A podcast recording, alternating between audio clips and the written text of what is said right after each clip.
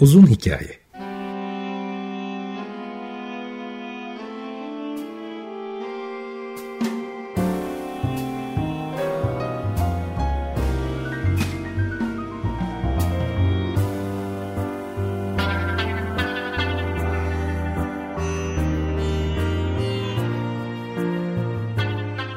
Hazırlayan ve sunan Muzaffer Çorlu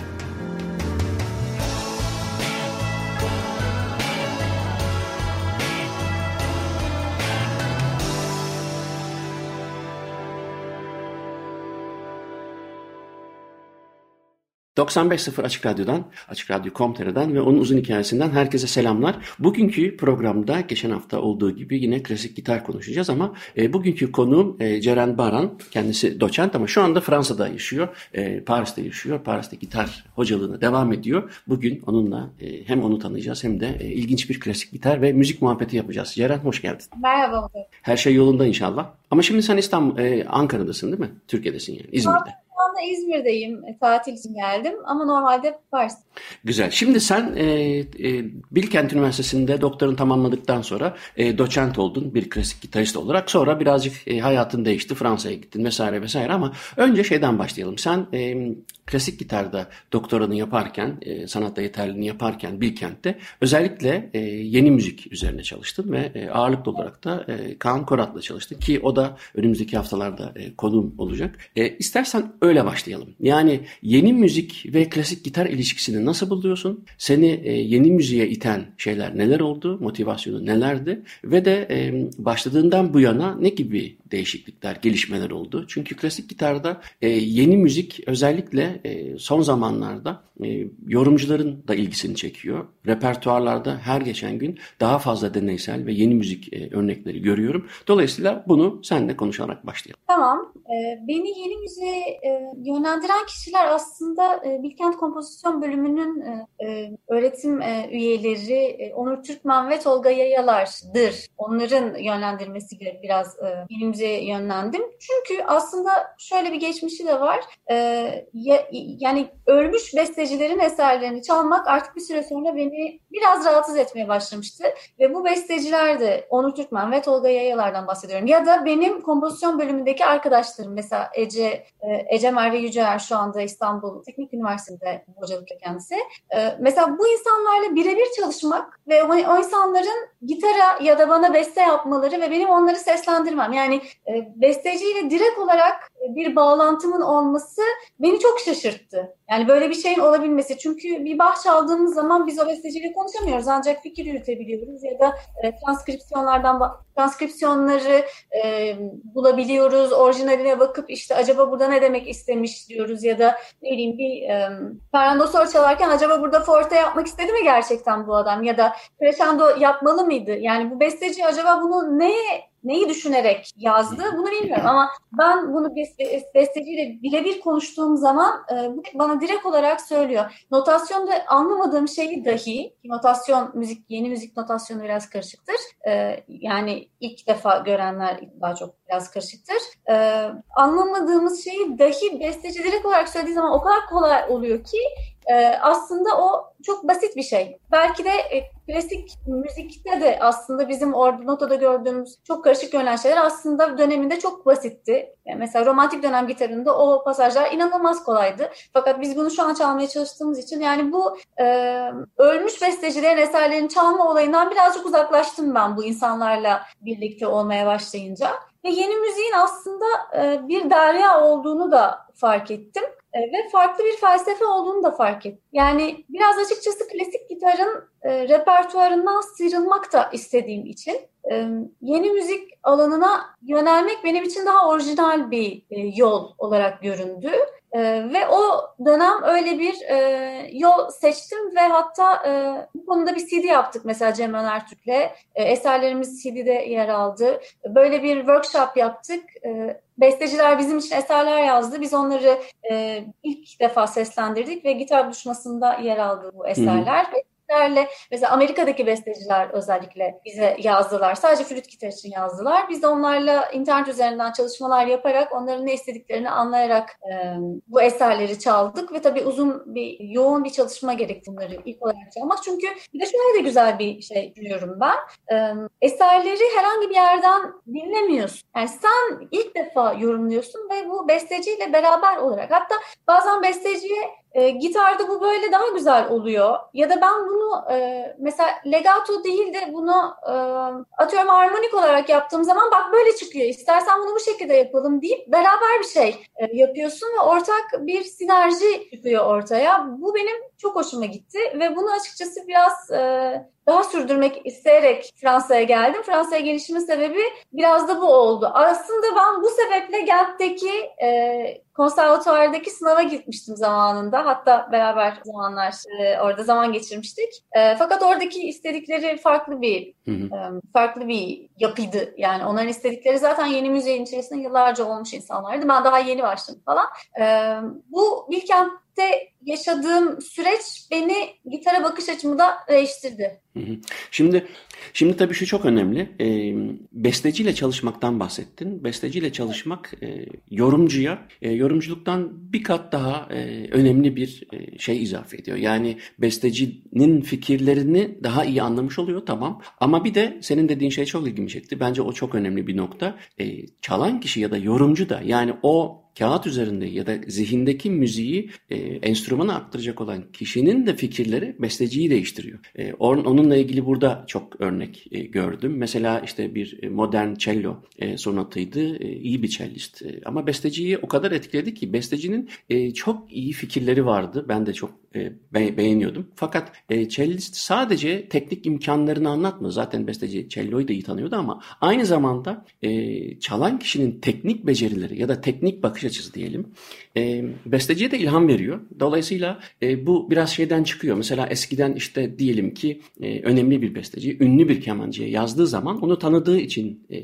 yazıyor ama mesela en iyi örnekler şimdi artık onlar klasik repertuara giriyor ama Segovia'yı da düşünürsen aslında Segovia'ya beste yapan e, onlarca müzisyen ya da Julian Breame falan değil mi? E, Benjamin Britten gibi e, klasik gitar için hiçbir şey yazmamış daha önceden e, kişiler. Birdenbire e, gitaristin e, bakış açısını, tekniğini, becerilerini öğrendikten sonra ona bir beste yaparken besteci de tabii e, gitaristten etkileniyor. Dolayısıyla yeni müzikteki o etkileşim beni de çok ilgilendiriyor. Çok heyecanlandırıyor. Senin evet Kent'e geldiğin zaman çaldığında e, çaldığın şeyi hatırlamıyorum fakat e, eseri hatırlıyorum ama kimindi bilmiyorum. Ama orada şöyle de bir şey vardı. Onu da sormak istiyorum. E, belki bir sürü müzik, e, bir sürü enstrümanda bu zorluktur. O da şu yeni nota yeni notasyon, modern notasyon ya da sembolik notasyon çok zor bir şey. Çünkü orada bir spiralin işte ne anlama geldiği ya da işte crescendo'nun ya da işte bir accelerando'nun çok farklı farklı şekilde yazıldığı ve de bu da neredeyse e, her bestecide değişen bir durum. Dolayısıyla modern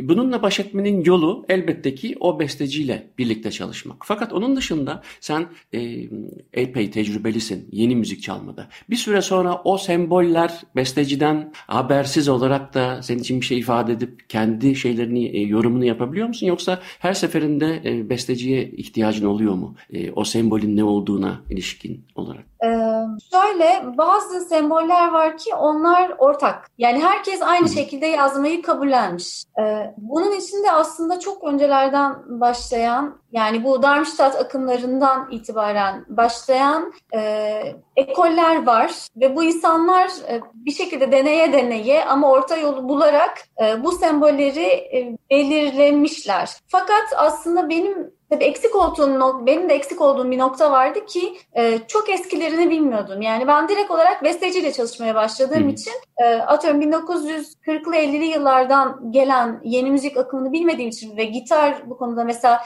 e, Berio'ları falan oturup çalışmam gerekiyordu yani Hı. bazı şeyleri anlayabilmek için.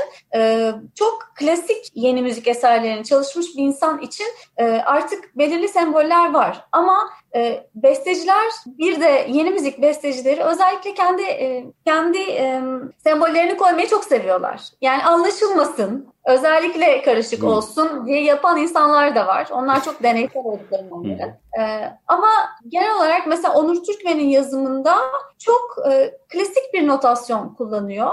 Ama e, inanılmaz güzel sesler çıkartabiliyor. Yani harmonikleri öyle bir kullanıyor ki mesela e, bir de Türk eserleriyle, Türk e, müziğiyle birleştiriyor o yeni müziği. Nasıl yapıyor bilmiyorum. Ama e, mükemmel bir müzik çıkıyor ortaya. Senin Ama, buna, bununla ilgili bir kaydın var mı? Ee, yani bununla ilgili bir kaydım var. Mesela gitar buluşmasında e, yayınlanan eseri vardı. Yani benim onun benim çaldığım onun iki eseri YouTube'da bulabilirler. Ceren Baran dedikleri zaman. Bulabilirler. Evet. Yani 13. gitar buluşmasıydı galiba geçtiğimiz Hı hı. gitar buluşması. O iki e, Unutulmuş Çocuk Şarkıları eseri bulabilirler sanırım aratırlarsa. Hı hı. bilmiyorum. Şimdi istersen e, senin seçtiğin şeylerden Miroslav Taric e, dinleyelim. Eserle ilgili, e, Walk Dance'la ilgili var mı söyleyecekler? Walk Dance da beni klasik gitar repertuarından uzaklaştıran eserlerden birisidir. Yani o da sonuçta yerel bir e, ezgi, bir e, Makedonya halk şarkısı ama onu bambaşka bir hale getirmiş adam yani gitarla çalarak. Tanıyor musun besteciyi Miroslav Taric'i? Bilmiyorum, besteciyle çok iletişime geçmeye çalışmak. Besteciyle iletişime Hı. geçmek istemiştim zamanında. Ee, ama e, besteciyi ne yazık ki tanımıyorum. Hı. Ee, fakat besteci sonuçta o da yaşayan bir besteci hala bildiğim kadarıyla ve e, o da önemli yani yaşayan bir bestecinin hala günümüzde en azından ulaşma şansım var. Mesela. E, o da benim için önemli bir eserdir mesela. Yani Scarlatti çalmaktan farklı Miroslav Tadic çalmak benim. Çünkü hala güncel bir eser. İstersen dinleyelim senden onu. Miroslav Tadic'den Walk Evet. Dance'ı dinleyelim. E ondan sonra devam edelim. Okey, Ceren Baran'la, gitarist Ceren Baran'la e, birlikteyiz. Bugün e, birinci bölümde yeni müzik üzerine konuştuk. Çünkü onun hem doktorası hem de e, doçent olduğu alanda en çok çalıştığı e, konu yeni müzikti. Niye yeni müzik tercih ettiğini. Ama orada şey söyledin, şimdi onu ben birazcık abartayım. Böyle sanki klasik gitardan ve repertuarından sıkılmışsın gibi aldım ben onu. Evet, evet. Açıkça sıkıldım diyorsun.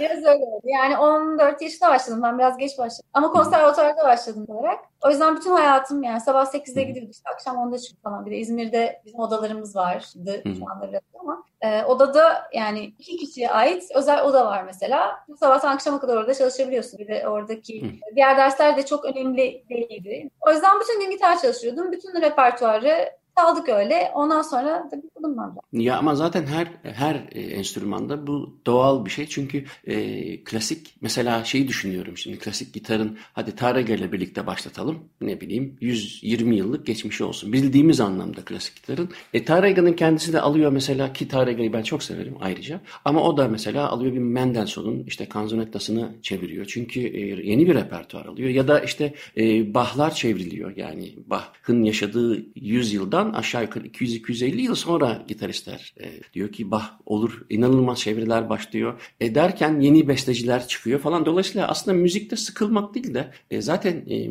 sanatın her alanında yeni bir şey yapma ihtiyacı var. Yani e, hatta sadece e, Bach çalanlar bile sanıyorum Glenn Gould'un mesela sadece Bach çalmıyor tabii de ama mesela onun bile e, ya da e, Misha Mayeski'nin e, Bach yorumları e, işte bir kayıt yapıyor aradan 10 sene geçiyor aynı eserleri e, cello suite'lerini e, tekrar kaydediyor. Çünkü e, hani bu sefer bambaşka bir bakış açısıyla alıp ben onları karşılaştırdım çünkü e, enteresan oluyor. Yani dolayısıyla hep yenilik ihtiyacı var. Ben hani e, sıkıldın mı derken tabii ki onu kastetmedim yani. Sonuçta enstrümanın bu. Fakat e, şeyi sorayım ben de mesela hani e, Distonya'da olduğu için şeyi çok düşünürüm. Ben e, barok repertuarı biraz fazla severim. E, o yüzden de mesela e, Viola da Gamba'yı e, başlasam mı diyorum yani. Eğer başaramazsam şu Distonya'yı aşmayı e, düşünüyorum. Sende de mesela klasik gitar dışında hani e, çok beğendiğin bir enstrüman var mı? Ben violonsel çok çalmak Hep de klasik e, gitaristlerde vardır. Klasik gitaristler genelde. Cello yani cello nedense e, yani yüzde seksen duyarım hep. Gitaristlerde bir cello sevgisi var.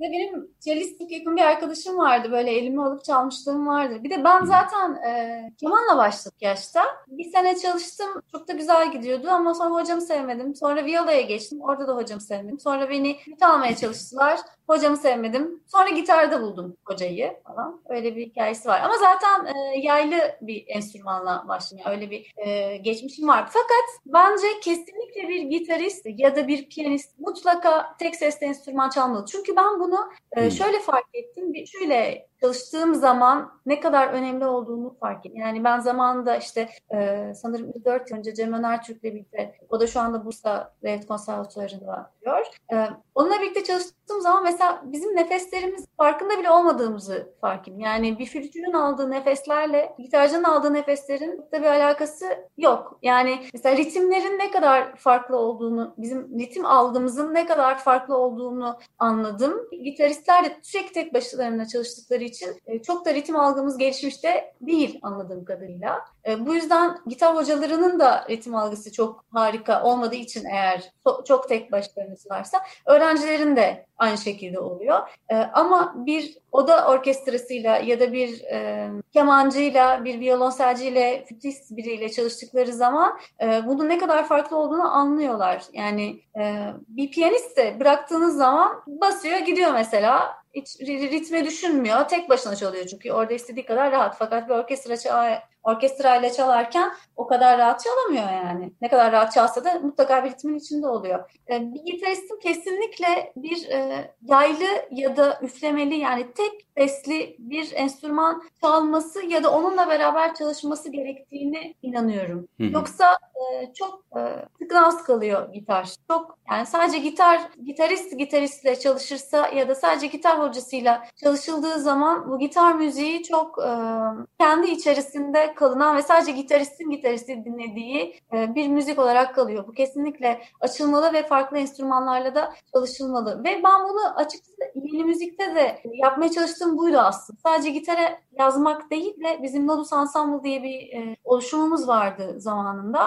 E, sadece gitar değil, e, gitar, violonsel, orada e, piyano vardı, vardı, trombon vardı ve ben bunların içerisinde klasik gitarın klasik gitar olarak yer alması için uğraşıyordum. Yani herhangi bir amfli kullanmadan ya da elektro gitar kullanmadan çünkü yeni müzik bestecileri elektro gitarı çok kullanırlar. Ben klasik gitarın o enstrümanların içerisinde yer alabilmesi olarak yer alabilmesi e, oldukça sordum. Yani bu besteci bunu bu şekilde yazabilir mi gibi. Ee, yani klasik gitardan sıkılmak değil aslında ama klasik gitarın sadece klasik gitar olması beni birazcık rahatsız ediyor açıkçası. Yani ne yazık ki klasik müzik içerisinde yerini bulabildi mi bilmiyorum. Yani kendi içinde kaldığını düşünüyorum ve Bilmiyorum. Kendi içinde.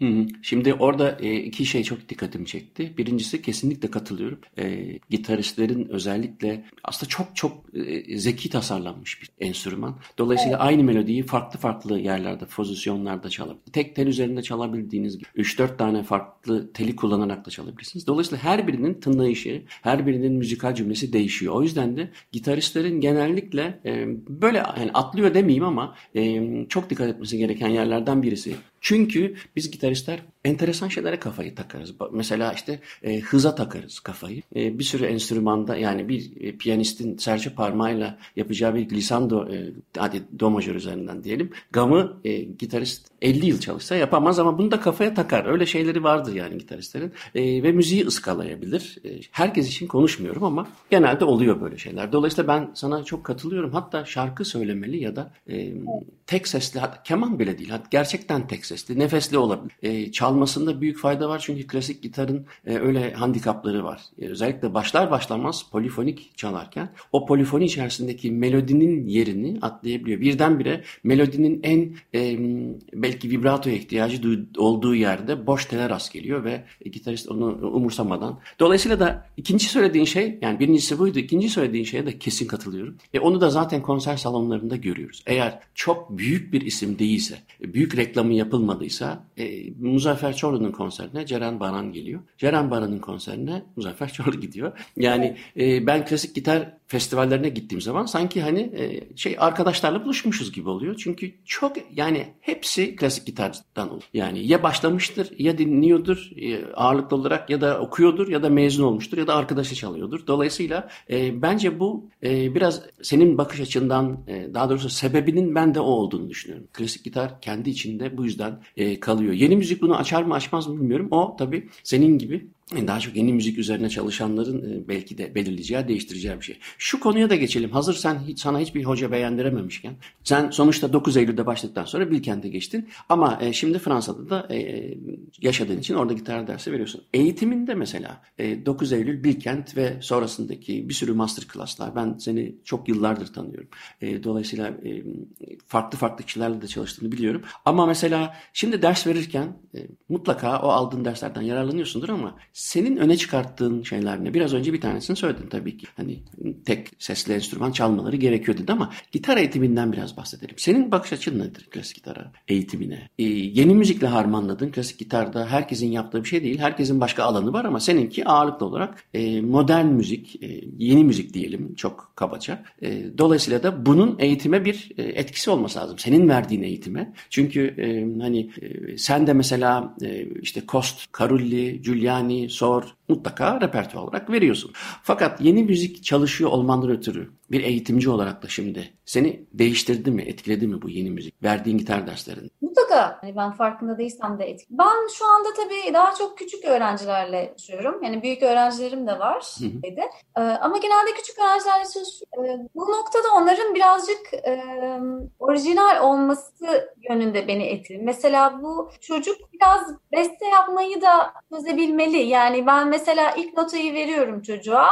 Son notayı veriyorum. Arayı doldursun. Ve bu arayı doldurmada e, mesela herhangi bir e, şey olmamalı. Kural e, falan. Kural olmamalı. Bir, bir, yani bunu illa no, normal notalarla doldursun değil. Belki oraya e, bir tambura koymak istiyor ya da bir armonik yapabiliyorsa koymak istiyor. İstediği şekilde doldursun. Ee, ve ama ama ritimlere dikkat etsin mesela yaparken. Yani hani gitarcı gibi kafasına göre yani sadece gitarcı olan gitarcı gibi kafasına göre çalmasın da mutlaka ritimlerine dikkat ederek onu e, ya çalsın ya da onu bestelesin. Besteleme konusunda belki etkili. Bir de şey açısından da demiş olabilir. E, birisi bir eseri çalarken ben bir yerden dinlesin istemem mesela. Önce o notasyondan okumayı öğrensin. Yani besteci ne demeye çalışmış onu bir anlamaya çalışsın. Ondan sonra dinlesin. Çünkü herkes kendine göre yorumluyor. Bestecinin ne yapmak istediğini belki bilmiyoruz. Yani besteci onu hatta onu e,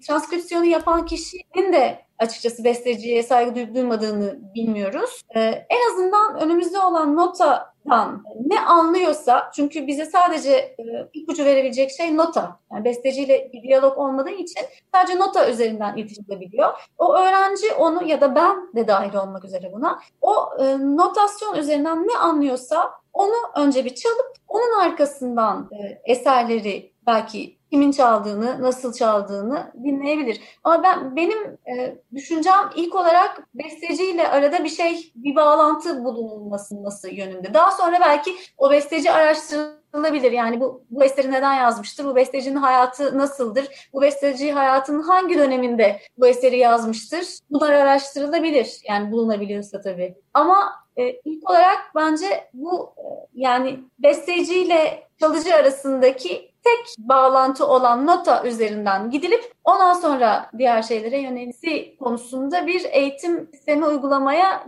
çalışıyorum. Ama tabii bu e, biraz daha ileri düzeydeki öğrenciler için. Yani ilk başlayan öğrenciler için çok daha pedagojik eğitimler. O pedagojik eğitimlerde de mesela burada e, beni yönlendiren kişi benim ilk gitara başladığım hocam olan daha doğrusu e, profesyonel anlamda ilk başladığım hocam olan Kadircan Özdemir sayesidir. Küçükken e, bizim daha ileriki yaşlardaki seviyemizi hayal ederek bizi e, ciddi bir şekilde çalıştırdığını düşünüyorum. Ama çok e, pedagojik yollarla. Yani biz bunun farkında bile değildik. Ama biz öyle bir yetki e, mükemmel şeyler ortaya çıktı. Yani o çocuklarla şakalaşmalar, işte merhaba nasılsın, haftan nasıl geçti? Bunlar bile çok önemli çocuklarla çalışırken. O zaman şimdi bir tane Scarlatte dinleyelim senden. E, 318 Kölpat. Evet, 318. E, onu dinleyelim. YouTube'da da kaydı var zaten. E, ondan sonra e, yeni müzik ve eğitimin dışında birkaç tane daha sorun var. Onlarla devam edelim.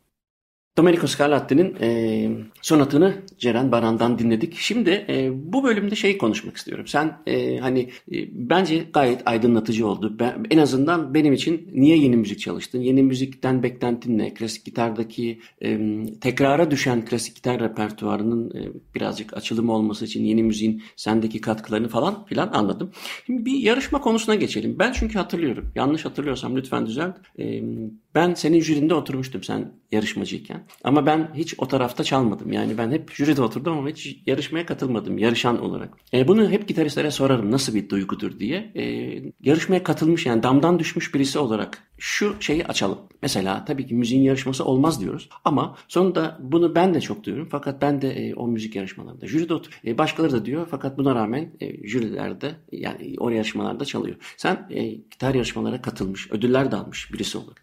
E, nasıl buluyorsun müzik yarışmalarını ya da klasik gitar yarışmalarını? Ben bunu şöyle düşünüyorum. Bunun eksi tarafları da var, artı tarafları da var. Artı tarafları e, öğrenciyi motive ederek onun daha çok çalışmasını sağlayabilir. Fakat bunun eksi tarafları da hiç kimse hiç kimseyle karşılaştırılamaz ve bu öğrenci belki kendine göre çok güzel şeyler yapıyor. Belki gerçekten çok güzel çalıyor ama çok güzel çalan başka bir insan da var. Ee, ve bu iki kişiyi karşılaştırmak bir anlamda dahi olsa karşılaştırmak bence çok yanlış. O yüzden ben açıkçası yarışmaları çok tasvip etmiyorum. Aslında çok güzel bir şey söyledin. Çünkü gerçekten iki tane güzelden birini seçmek zorunda kalırsa insan yani iki güzel yorumdan ya da iki farklı yorumdan birini seçtiği zaman otomatik olarak sanki diğeri daha az güzelmiş değil de diğeri kötüymüş gibi algılanıyor. Bence de yarışmaların psikolojik olarak en yıkıcı tarafı o. Çünkü e, ama bunu tabii nasıl hazırladığına da bağlı öğrencinin ya da işte çalacak olan kişilerin. Şu anda ben e, yarışmalardan çok sıkıldım. Çünkü e, sadece hani jüride oturduğum için değil çok gider seyrederdim. Fakat öyle simsarlar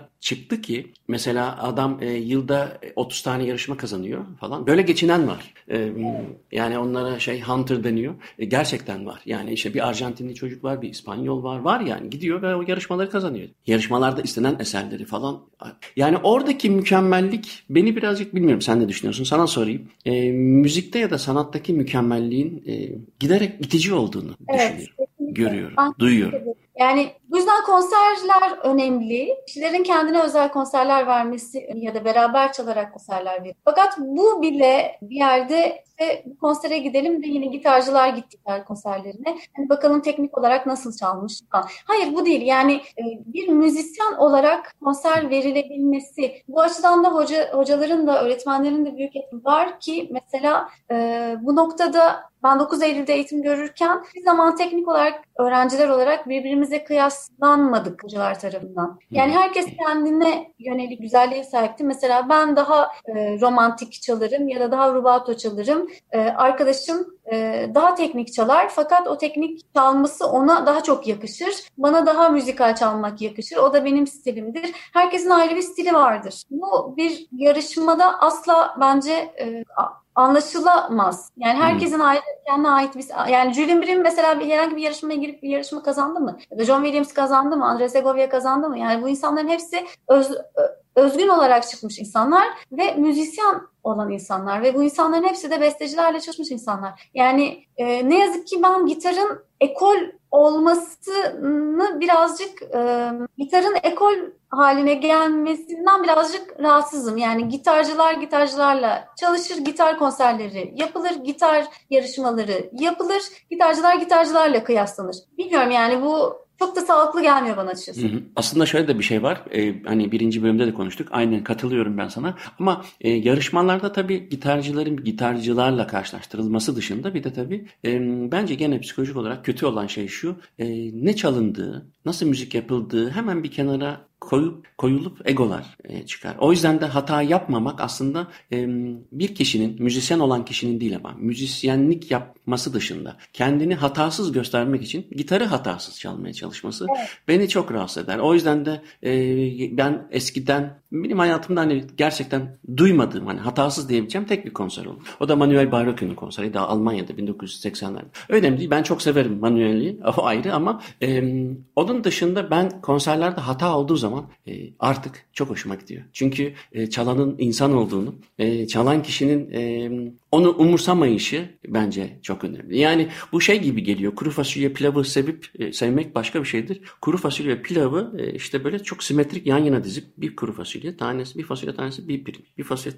Ve ondan sonra da işte ben yersem böyle kuru fasulye yerim ve bunun yarışması gibi böyle garip garip şeyler oluyor. Ama e, günümüz çok kompetitif tabii. Çok rekabetçi ortamda. Müzisyenler artık bir kariyer bulmak istediği zaman hangi yarışmaları kazandığı, hangi neleri yaptığı. E tabii çok sağlıksız sağlıksız sağlıksız tipler de oluyor. Yani e, konuştuğum zaman çok sıkılıyorum mesela hatasız kişilerden.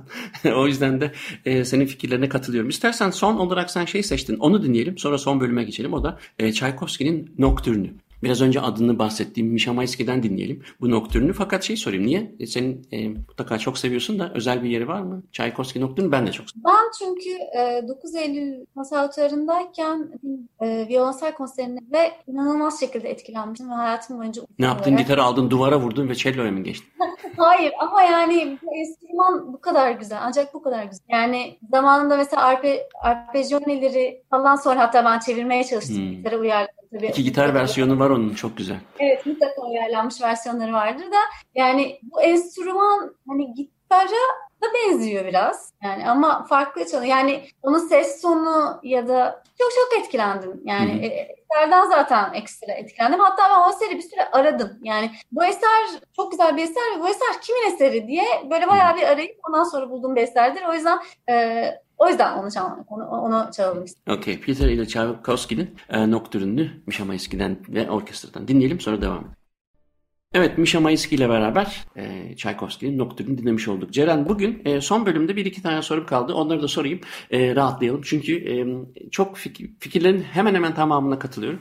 E, hem yarışmalarla ilgili hem eğitimle ilgili. Bir tek tabii yeni müzik benim e, alanım değil. E, klasik gitarda yeni müzik, e, yeni repertuarı çalmadığım için. Fakat dinliyorum, ilgileniyorum ama tabii senin kadar o konuda tecrübem yok. E, onun dışındaki e, şeylere de birebir katılıyorum. Yeni müzik e, bende şöyle bir şey e, yarattı. Şimdiye kadar dinlediğim bir iki konserde o belki o konserlerden kaynaklı o deneysel şeyler e, ilginç fikirler ama böyle hani onları tekrar dinler miyim? Mesela işte bir küçük pervaneyle tremolo ve yay, bir yayla klasik gitar diyosu vardı. Bir 5-6 dakika sonra e, tam bu deneyler iyidir yani deneyerek bir şeyler çıkıyor sonuçta ama e, hani ben şu anda çok o tür dene, denemelerden henüz böyle aa tamam şuradan gideyim ben de şunu dinleyeyim diye henüz etkilenmedim ama daha e, zamanım var mutlaka ben de etkilenirim. Sana soracağım son şey, son şey şu. Şimdi dedin ki başta klasik gitaristler mutlaka işte tek sesli enstrüman çalmalı. Çünkü işte biz melodiyi falan e, atlıyoruz. E, aynı zamanda da dedin ki işte klasik gitar hep klasik gitarcılar tarafından biliniyor. E, sence mesela ne yapılırsa ne olursa klasik gitar da e, başka insanların ilgisini çeker. Ki bu e, ben Türkiye'yi her program programda klasik gitar konusu açıldığında her zaman söylerim. Türkiye çok iyi bir klasik gitar ülkesi bana göre. E, çok ilgilenen kişi var. E, çok iyi konserler var. Bu tabii benim fikrim, benim gözlemlerim. E, ama gerçekten de burada da dahil olmak üzere eğer çok büyük bir isim değilse klasik gitar konserine e, öyle bir piyano, bir keman, bir cello'da olduğu gibi bir seyirci ve ilgi bulunamıyor.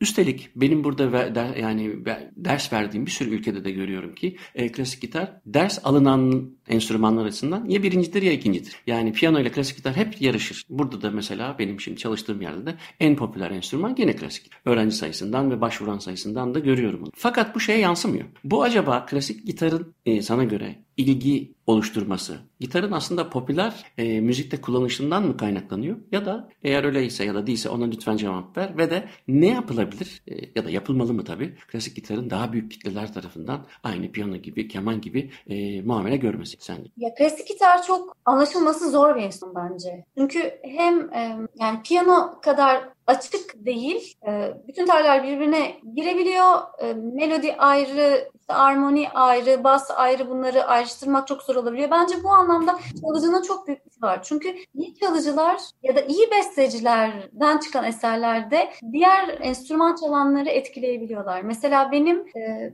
bazı arkadaşlarım var ki mesela Türkçü bir arkadaşım bana ben gitarı çok seviyorum diyor. Yani bu bence çok güzel bir şey. E, gitarı sevmesi, gitar müziğini oturup dinlemesi farklı bir şey yani. E, ama normal normal ama e, klasik bir ama klasik müzik izleyicisi olan herhangi bir insanın e, klasik gitar sevmesi çok da kolay bir şey değil. Çünkü bence klasik gitar çok da kolay anlaşılır bir enstrüman değil. Hem çalıcı için hem de dinleyen için. Bu anlamda da birazcık klasik gitar çalmış, bunun ne kadar zor olduğunu anlayabilmiş bir insan hayran hayran bakarak enstrümanı dinleyebiliyor. Ama bunun geniş bir kit, geniş kitlelere e, açılması belki de mesela Rodrigo konçertosunun ne kadar çok sevilmesiyle ilgilendir ilişkilendirilebilir. Yani belki tek sesli e, melodilerin mesela tek sesli melodilerin e, armonile, armonizasyonun yapılması ile seviliyordur. Mesela bu yüzden belki İspanyol eserleri çok seviyordur gitarda, çok seviliyordur. E, çünkü orada bir melodi var, insanlar bunu algılayabiliyorlar. Bir de ona eşlik eden bir e, armoni var, bas yürüyüşü var vesaire falan. Ama e, bir modern eser, bir Leo, Leo Bruveri yani herkes o kadar kolay dinleyemez yani. Bunu çalıp onu birazcık sindirip onun arkasından dinlemesi lazım. Bu yüzden bence biraz klasik gitar müziğinin popülerleşmesi için e, melodinin olması gerekiyor olabilir. Yani o, o, o noktada şeyi sormak gerekiyor olabilir. Mesela zamanında ben e, tabii bu e, müzikolog kimliğimle e, araştırmalar yapmak için İstanbul'da birçok kişiyle konuştuğum zaman şunu e, görmüştüm. E, zamanında İstanbul'daki İstanbul Filarmoni konserlerinde e, salonun taştığını, klasik gitar konserlerinde salonun taştığını söylediler bana. Yani insanlar gelip yer bulamayıp artık dışarıdan izlemek zorunda kalıyorlarmış. E, bu nasıl olmuş? Demek ki olabiliyor. Hı. Ama ne çalınıyordu o dönemde? Büyük ihtimal melodik eserler sundu. Yani kalkıp bir Leo Bruver konmuyordu büyük ihtimal programa. Ya da yani ben Leo Bruver'i çok severim bu arada da. E, ama ya da anlaşılmayan bir yeni müzik eseri konmuyordu büyük ihtimal. Yani büyük ihtimal İspanyol eserler konuyordu. Ya da anlaşılabilir barok eserin bile konduğundan emin değilim yani. Ya da e, yani bu, bu İstanbul'da o konser salonlarının neden dolduğu, o kadar çok dolduğu sorusunun cevabı bu senin sorduğun sorunun cevabıdır. Yani hmm. cevabı bilmediğim için o cevabı da veremiyorum. Ama e, bu mümkün. Yani klasik gitarı büyük kitlelere ulaştırmak mümkün. Fakat bu bence hem besteciyle ilgili hem de çalıcının gerçekten bir müzisyen olması ile ilgili. Yani kalkıp bir Bareko e, hatasız, hiçbir hata yapmadan dümdüz çalarak bir konser veriyorsa ben o konserde sıkılmıştım. Çok özür diliyorum ama yani hı hı. ben çok büyük saygı duyuyorum ama mesela Almanya'da izlemiştim ben de ya da David Russell da aynı şekilde ama sıkılmıştım. Hı hı. Ama kalkıp bir Julian Bream çalsaydı, şimdi Allah rahmet e, yani onun bir konserinde adamın bir akor çalarken havaya zıplaması o bile yani uyuyorsam o beni uyandırır ki uyumayın onun konserinde. Yani ya da bir John Williams'ın e, yaptığı o pasajlarda yaptığı o garip garip hareketler falan hani e, ya da Andres Segovia'nın o özgün kişiliğinin tabi izlemedik yani zaman rast gelmedi ama e, bu, bu kişi özün bir kişiliktir. Yani gitarı bence gitardan çıkartıp birazcık müzik enstrümanı olarak kullanılabilmesi gerekiyor. Sadece gitar olarak yani gitar enstrümanı e, teknik olarak şu yapılır işte şu eserler çalınır e, sürekli aynı eserler çalıyorlar zaten bir süre sonra falan. Hani bu da sıkıcı yani bilmiyorum. Hı hı. Yani daha çok e, daha çok sanki e, gitaristlerin e, renkli kişiliklerini müziği ortaya koymaktan ziyade klasik gitar becerilerini gösterme çabasına dönüştürmesi konserleri biraz daha klasik gitaristlere e, kapatmış oluyor. Daha doğrusu onlarla e, beraber daha çok onların dinlediği hale getiriyor diyorsun. Ben evet önemli bir şekilde yani bence de bir, bir onun etkisi var. Tabii mesela Clayans gibi, Tansman gibi yeni e, bestecileri e, gidip de dinlediğim zaman eserlerini e, orada e, burada birkaç kere yani gördüm. İlgi az e, çünkü e, dediğin gibi hem klasik gitar dinlemek zor hem de evet belki gitaristlerin birazcık kendisini değiştirmesi lazım ama yeni yeni e, kişiler de geliyor hakikaten. E, gitarın bir müzik enstrümanı e, olarak geniş kitlelere yayılmasında yorumcuların etkisi çok fazla ama şey de tabii önemli. Rodrigo'nun gitar konçertosu da dünyada çalınan en çok çalınan e, bir konçerto. Bir numara yani. Dolayısıyla e, tabii biz bizim derdimiz bu. Hani niye klasik gitar daha çok isten, isten, istensin ki bir de o da var tabii. Biz klasik gitarist olduğumuz için diyoruz ki ya niye ilgi az falan. Herhalde bir de biz de kendi kendimize şey yapıyoruz. Bir de şöyle bir şey var. Mesela Rodrigo da bir piyanist. Yani o bir müzisyendi ve onu best. Yani gitarcı kimliğiyle gitara yazıp bunu besteleyip dünyaya bunu açmadı. Yani bir piyan olarak piyanist başka bir enstrümanda düşünerek yazdığı eser dünyaya aldı. Yani mutlaka bir müzisyen kimliği yani bence kesinlikle bestecinin müzisyen kişiliğinin olması gerekiyor. Buna şöyle bir örnek vermek istiyorum. Zamanımız var mı da. Ee, mesela bence bu 13. gitar buluşması yani ya, ya, sayıyı yanlış hatırlamıyorum. 13. 13. evet. 13. Geçtiğimiz. Haziran'da olan. Evet. E, bu, bu gitar buluşmasında bence en çok göze çarpan isim Serkan Yılmaz ya da Çağdaş Üstüntaş. Hı hı. Ben e, Çağdaş Üstüntaş'ın eserlerini de çaldım. Bu insanlar özellikle Serkan Yılmaz kişi olarak çok özgün bir insan. Yani o özgün olması zaten kendi eserlerini çalıyor. Klasik gitarda çalıyor. Herhangi bir insan klasik müziği hiç duymamış bir insan ya da gitar hiç duymamış bir insan bence onun eserlerini sevebilir. Hı hı. Bu bence bestecinin ve çalıcının özgünlüğüyle alakalı durum. Ama kesinlikle klasik gitarla ilgili değil. Yani mesela Çağdaş Üstüntaş'ın e, herhangi bir enstrümanı alıp bilek çalabildiğini ben ne kadar da. Ama e, bunu klasik gitara yönlendirip klasik olmuş. E, yani Rodrigo'nun da bu anlamda klasik gitarcı olmaması ama bir müzisyen olup klasik gitar üzerine beste yapması ve bunun dünyada patlama yapması e, bu biraz bestecinin de çok önemli olduğunu da gösteriyor aslında. Evet, ya en iyi örneklerden birisi bana göre Castelnuovo Tedesco mesela. Onun evet. iki gitar için yazdığı gitar bir yan tampereleri yani Bach'tan esinlenerek diyelim ya da e, hakikaten gitarın çığırını açan hani gitarı tabii ki bir besteci mutlaka beste yaptığı enstrümanı tanır ama e, onun alanında da sınırlı kalmaz. Güzelliği odur yani. Yoksa e, Antonio Lauro gibi bile Lobos gibi bestecileri çıkarırsak ben klasik gitar besteci. Eğer klasik gitaristse o sınırda çok kaldığını, e, kendini o enstrümanla çok sınırladığını çok gördüm. Ama Castellino Tedesco mesela gitarist olmadığı için e, sadece teknik taraflarını biliyor ama müziğini o enstrüman deploy ettiği için çok daha iyi şeyler çıkıyor. Evet mesela Lobos da violonselciydi. Belli zaten birinci piyano. Evet. O zaman bu şekilde bitirelim Ceren. Çok güzel bir sohbet oldu hakikaten. E, hem yeni müziği hem eğitimi hem klasik gitarın çıkmazlarını açmazlarını yarışmaları falan konuştuk. Katıldığın için çok teşekkür ederim. Umarım tekrar başka bir konuda konuk olursun.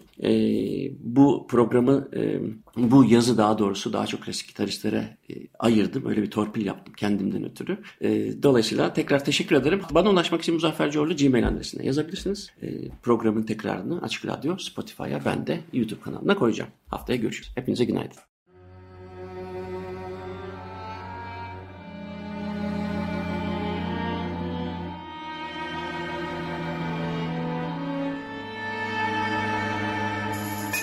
Uzun Hikaye.